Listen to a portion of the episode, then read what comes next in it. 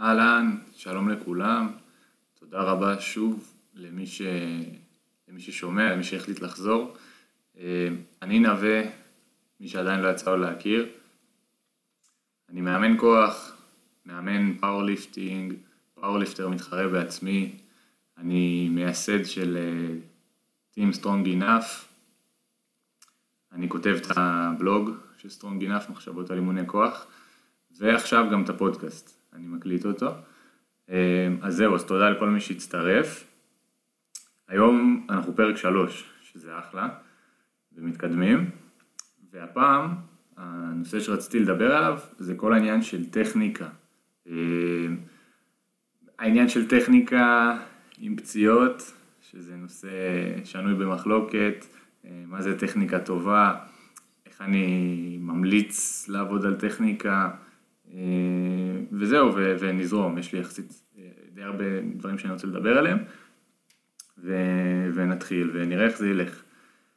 אה, דבר ראשון שחשוב להגיד בכל הנושא של הטכניקה, שטכניקה זה, זה נושא מאוד אפור, אין, אין מה לעשות, כאילו יכול להיות שיהיו כאלה שיחלקו עליי וכאלה שהם יותר פדנטים בטכניקה ופחות מתפשרים, אבל מה שאני רואה מהניסיון שלי ו... וגם מה שאני לומד מניסיון של אחרים, ש... שיש קווים מנחים ויש דברים שאנחנו רוצים לשמור עליהם, אבל יש הרבה דברים אפורים בכל הנושא הזה של אה, מה זה טכניקה טובה, מה זה טכניקה פוצעת, אם אפשר להגיד אה, מתי צריך לשנות את הטכניקה ומתי יש דברים שלא ניגע בהם. אז, אז זה משהו ש, שחשוב כזה להתחיל איתו, שיש יש תשובות ש, שכולם הסכימו עליהם, אבל יש גם הרבה דברים שהם אה, לא מוחלטים בנושא הזה, ו, ואני אוהב תמיד להגיד למתאמנים שלי שאני יכול לראות מישהו שעושה הכל לפי הספר, גם מבחינה טכנית וגם אה, מבחינת ניהול עומסים ודברים כאלה, ונפצע יחסית הרבה. ומצד שני אני יכול לראות כאלה שעושים הכל לא לפי הספר מבחינה טכנית ומבחינת תכנון האימונים שלהם ולא נפצעים אף פעם. אז יש פה המון מרכיבים גנטיים ועניין של מזל גם וזה ו- ו- וזהו וחשוב לקחת הכל כאילו בצורה ביקורתית ולהבין ש- שכל הנושא של טכניקה אין אמת אחת ומוחלטת. בסדר? אז אחרי שאמרתי את זה נחשוב, ש- נצלול שנייה פנימה. אה, קודם כל מה זה טכניקה טובה מבחינתי. חשוב להבין גם, כשאנחנו מדברים על טכניקה, על איזה תרגיל אנחנו מדברים, כי יש הבדל בין שאני מדבר על טכניקה לתרגילי כוח, לבין טכניקה לתרגילי מסת שריר, זאת אומרת המטרות שונות וגם הטכניקה, הדרישות הטכניות יהיו, יהיו טיפה שונות. נתחיל בכוח, יכול להיות שאני גם, גם אגע במסת שריר, אבל קודם כל מה זה טכניקה טובה בעיניי? בתרגילי כוח. אז הדבר הראשון והכי חשוב, במיוחד, זאת אומרת הוא קריטי פחות או יותר למי שמעוניין להתחרות או למי שמעוניין אה, להקשות על עצמו נגיד את זה, זה לעבוד לפי הסטנדרט שאנחנו צריכים לעבוד. אה, למי שמתחרה אין, אין ממש איך לברוח מזה. זאת אומרת, אם הטכניקה שאתה, שאנחנו עושים היא לא בסטנדרט התחרותי, מבחינתנו היא לא, היא לא טובה. זאת אומרת, חייבים לתקן את זה, חייבים להקשיח אותה, חייבים להקפיד על הסטנדרט, אם זה אומר אה, עומק בסקווט, או לא יודע, נעילה של הברכיים למעלה, או עצירה מספיק ארוכה בבנץ' פרס, אה, ישבה נוגע בספסל, כתפיים נוגעות בספסל, לא יודע, דברים כאלה, כל דבר שיכול לפסול הרמה, לא יודע, נעילה חלקית בדדליפט, ברכיים אה, רכות, מה שנקרא. כל אלה זה איזשהו סטנדרט, שאם יש לכם אותו אתם מתאמנים לפי הסטנדרט הזה, כי אתם מתאמני כוח שחשוב להם לשמור על הסטנדרט הזה גם אם הם לא מתחרים, או בטוח שאם אתם מתחרים אז אתם חייבים לשמור על הסטנדרט הזה. כל זה חייב להיות בהגדרה של טכניקה טובה. אם אתם לא בסטנדרט, צריך לשפר את זה, זה דבר ראשון. אה, דבר שני שאני מחפש לראות אצל, אצל מי שמתאמן, זה טכניקה עקבית. זאת אומרת, יכול להיות שיש דברים שממתאמן למתאמן ייראו שונה.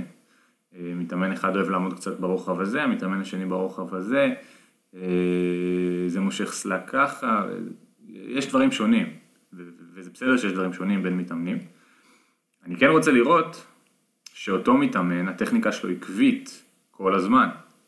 אם הוא כל הזמן, אה, הזווית של הגב שלו נראית בזווית מסוימת, בזמן שהוא עושה סקווט, אז אני רוצה שכל החזרות יראו פחות או יותר אותו דבר. יכול להיות שכשעייפים וכשהמשקל כבד יש סטייה קלה וזה בסדר, אבל כשאני רואה סט של חמש חזרות, ארבע חזרות נגיד, וסט יחסית מאתגר, כל החזרות צריכות להיראות פחות או יותר אותו דבר.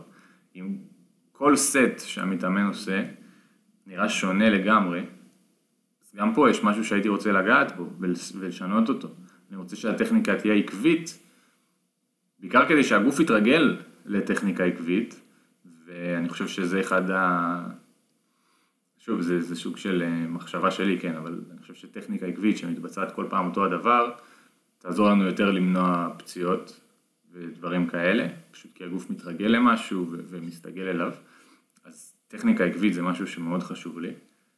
אה, והדבר השלישי, שהוא בעצם האחרון כרגע, מה שכתבתי, זה טכניקה שאני יכול לשמר אותה לאורך שנים.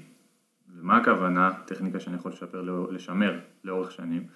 אה, טכניקה שבעצם לא גורמת לי לכאבים, לא גורמת לי לאי נוחות, אני יכול כל הזמן לעבוד איתה והגוף שלי מגיב אליה בסדר, זאת אומרת, אם מישהו עושה בנץ' פרס, אה, אני לא יודע, והמרפקים מאוד מאוד הולכים החוצה, והוא מרגיש ככה חזק, אה, והכל טוב, אבל אם כל שלושה ארבעה שבועות מתחילה לו איזה דלקת בכתף, לדוגמה, זו טכניקה שאנחנו לא יכולים לשמר לאורך שנים.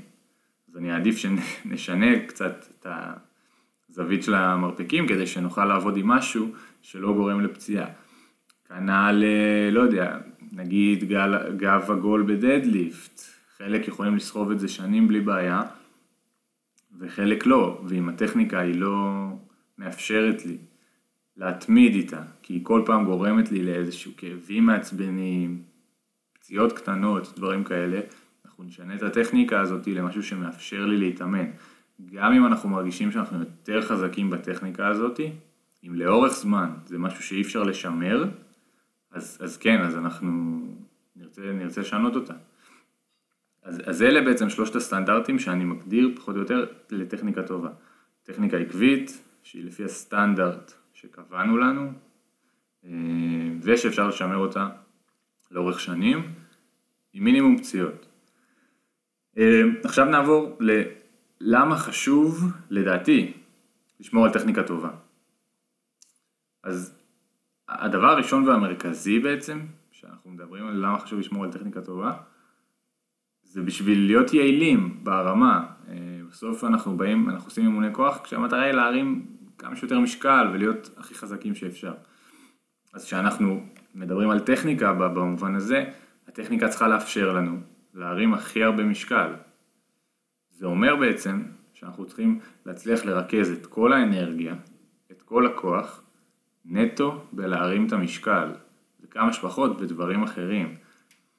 הדבר הכי ברור והכי מרכזי בעניין הזה, של יעילות בהרמה, זה הרמה שאנחנו לא מצליחים לשמור על, על מרכז כף רגל, מה שנקרא center of mass באנגלית.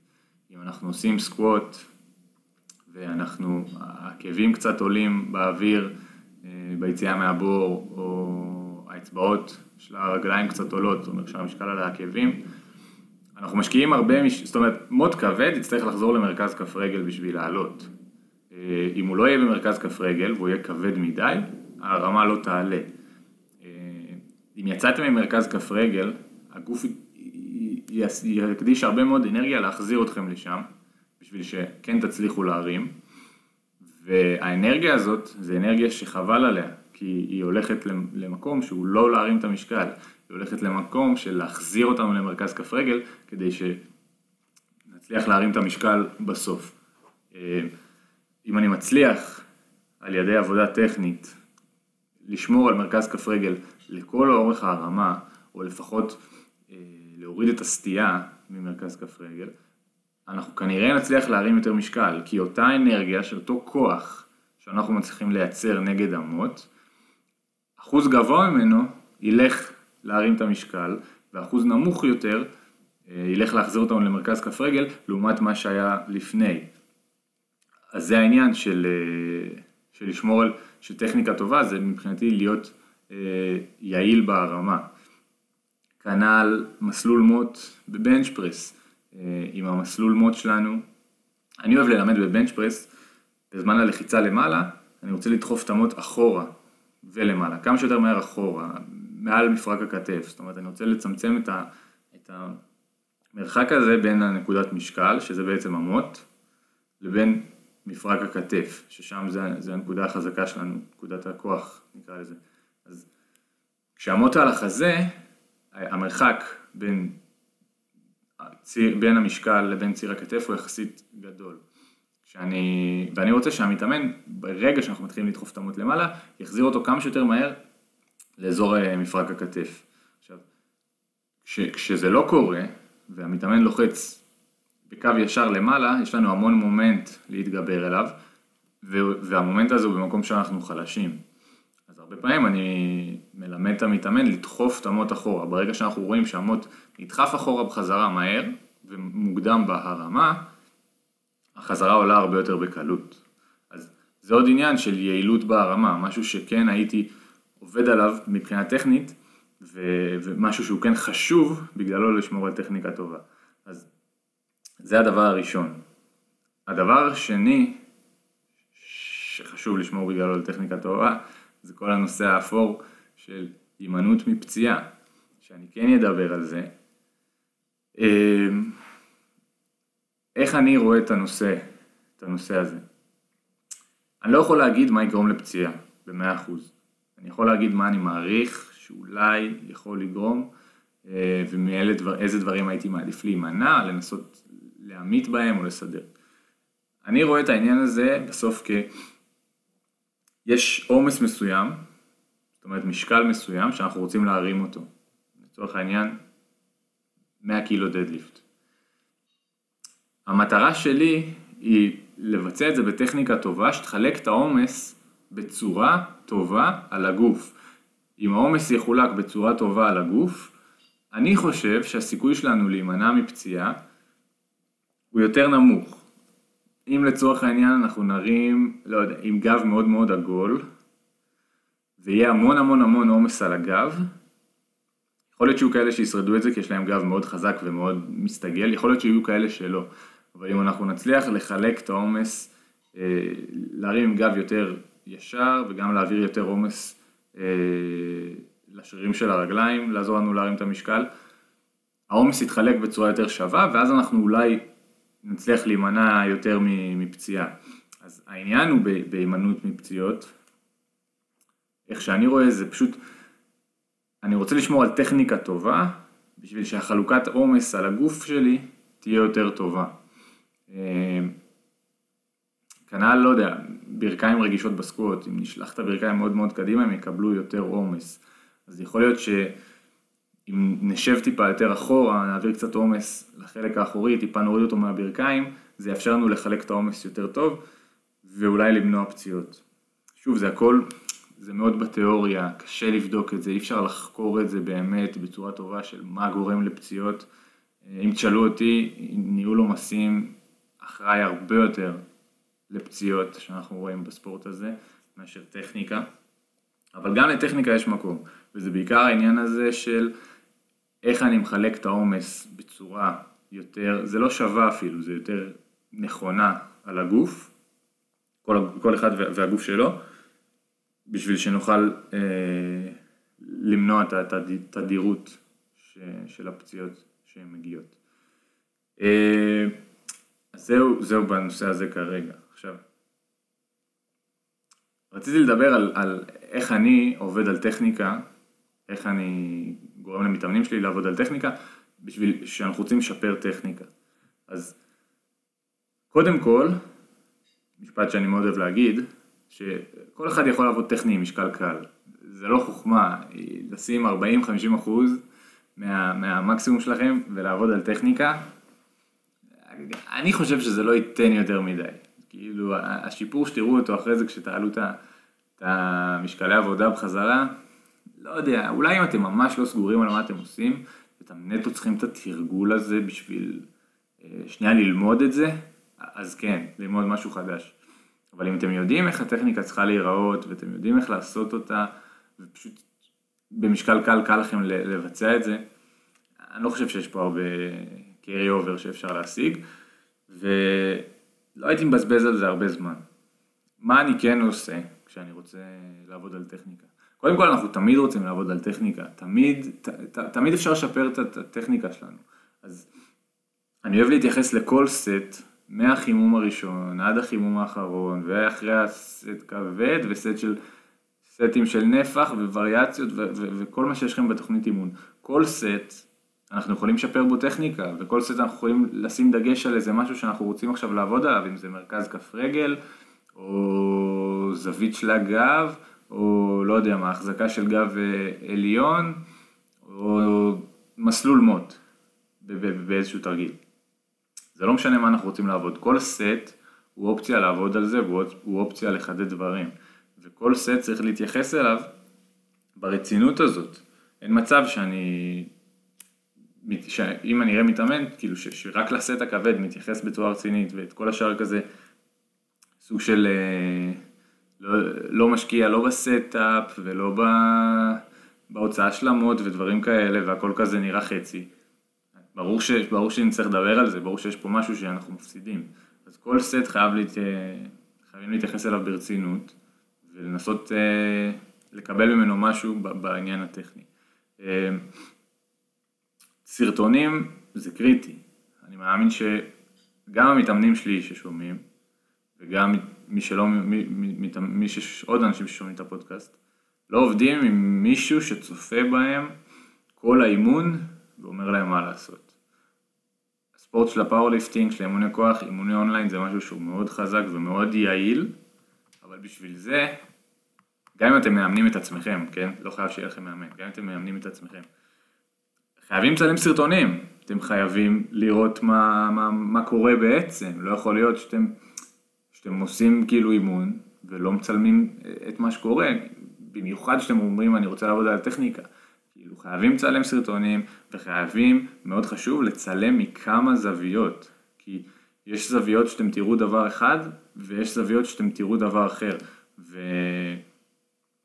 וצריך למצוא כאילו את הזווית שמה שאנחנו רוצים לראות רואים בה. זאת אומרת אם נרצה, לא יודע, לעבוד על העומק, נצטרך לצלם אה, יותר מהצד. אפשר לקחת את הזווית של השופט נגיד, אבל אפשר לצלם ממש מהצד כדי לראות עומק. אם אנחנו רוצים לראות לא יודע, את הזווית שלה, את האחיזה בסקווט, אולי שם איזה משהו עושה לנו איזה בעיות, נרצה לצלם מאחורה. אה, אבל בגדול, זה, זה בסדר לצלם מכמה זוויות, כן? לא צריך להשתגע עכשיו ולתלות את הטלפון בכל מיני זה, אבל קחו כמה זוויות, תעשו כמה צילומים, בעיקר אם זה משהו שאתם מרגישים שצריך לעבוד עליו, ותעבדו עם זה. אה, וזהו, ושוב, ושוב מה שאמרתי, לא עם משקלים קלים. אתם רוצים לנסות לשפר טכניקה במשקלים מאתגרים. מה זה אומר? אם ניקח סינגל RP 9-10, שאם יוצא למישהו לעשות, לשפר בו טכניקה יהיה מאוד קשה. אין מה לעשות, שהמשקל מאוד מאוד כבד, קשה לנו לשפר טכניקה. אבל כן, כשאנחנו עושים סטים ב-RP 6 עד 8 הייתי אומר, אנחנו צריכים להצליח לעבוד על הטכניקה, אנחנו צריכים להצליח לשמור על מה שאנחנו רוצים, זה לא יהיה 100%, זה גם לא יהיה 95%, אבל אנחנו כן יכולים לשפר את הטכניקה בסטים האלה, וזה סטים שהייתי שם עליהם מאוד מאוד דגש. משקלים קלים פחות, משקלים כבדים מאוד, זה יהיה מאוד מאוד קשה, אבל האלה שבאמצע, ה-70-80 אחוז, RP 6 עד 8 ללא יודע מה, 3 עד 5 חזרות, 3 עד 6, וואטאבר. שמה אפשר לשפר את הטכניקה ולעבוד על הדברים שאנחנו רוצים עם רמת קושי מספיק קשה מצד אחד ש, ש, שלא תכה עלינו, מצד שני שגם תאפשר לנו לעבוד עם משהו. כי אני מניח שכל מי ששומע אותי עם קצת ניסיון יודע שאי אפשר לעבוד על טכניקה עם מוטריק, זה לא, זה, זה לא באמת, אי אפשר, אין, אין, אין, אין, אין, משקל, אין מסה שבאמת, זה, פשוט לא הולך, בקיצור. דבר אחרון, אני חושב, פחות או יותר, שחשוב לי להגיד בכל הנושא של הטכניקה. דיברתי על זה קצת בהתחלה, אה, לכל אחד יש את מה שנוח לו, וזה בסדר, שאין מודל טכני אחד, וגם אם אתם תלכו עכשיו ותריצו ביוטיוב תחרות, אה, לא יודע מה, תריצו את התחרות שפילד האחרונה, בפאורליפטינג מי שמכיר, אתם תראו שכל אחד שעולה, גם אם הוא באותה קטגוריית משקל ועם פחות או יותר אותם מנופים וזה, הטכניקה נראית שונה.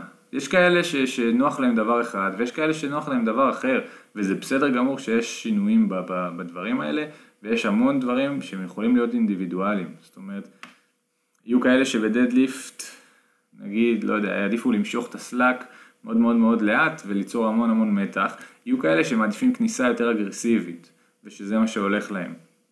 שתי הגישות הן מעולות, צריך למצוא מה עובד לכם. אה, יהיו חב... בסקווט רוחב עמידה כזה ורוחב עמידה כזה.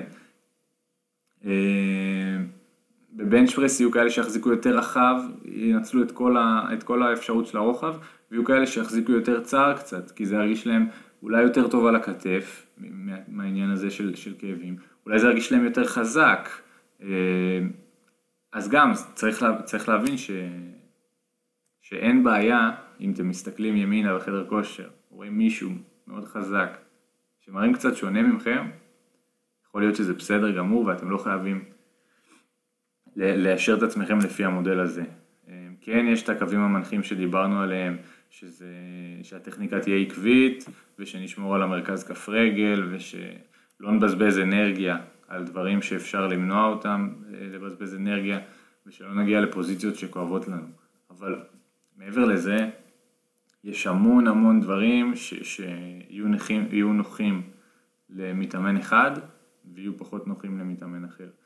יכול להיות קצב של הירידה בסקווט, וזה יכול להיות עקבים האלה בבנץ' פרס, אם אני שם את העקבים על הרצפה, או אם אני שם את ה... או אם אני לוחץ על הכריות של האצבעות. בסדר? אז, אז זה משהו חשוב להבין. ואני חושב פחות או יותר שנגעתי בהכל, בכל הנושא הזה של טכניקה, לפחות לפרק הזה.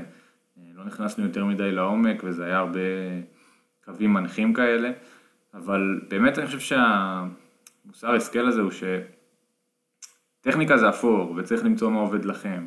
צריך להיות לכם איזה שהם אה, דגלים אדומים הייתי אומר, בנוגע לטכניקה, אה, דברים ש... שהם כבר, שכן כדאי לתקן אותם, אה, במיוחד אם זה דברים שגורמים לכאבים ודברים כאלה. אבל יש גם הרבה דברים שאם הם עובדים לכם, והם לא בדיוק לפי המודל, יכול להיות שזה, שזה בסדר גמור, ואין בעיה להמשיך לעשות את זה. אה, וזהו, אני מקווה שנהנתם. הפרק הבא יהיה בעוד שבועיים, נראה על איזה נושא. אה, אפשר למצוא אותי באינסטגרם, Strong Enough 405, אה, אפשר למצוא אותי בבלוג ובפייסבוק, שזה פחות או יותר רוב, ה...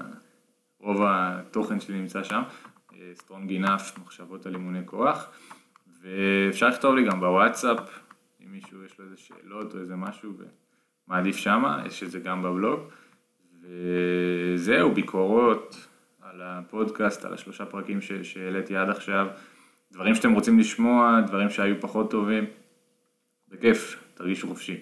כל הנושא הזה הוא גם חדש לי, וגם אני לומד לאט לאט. וזהו, תודה רבה, וניפגש עוד שבועיים. יאללה ביי.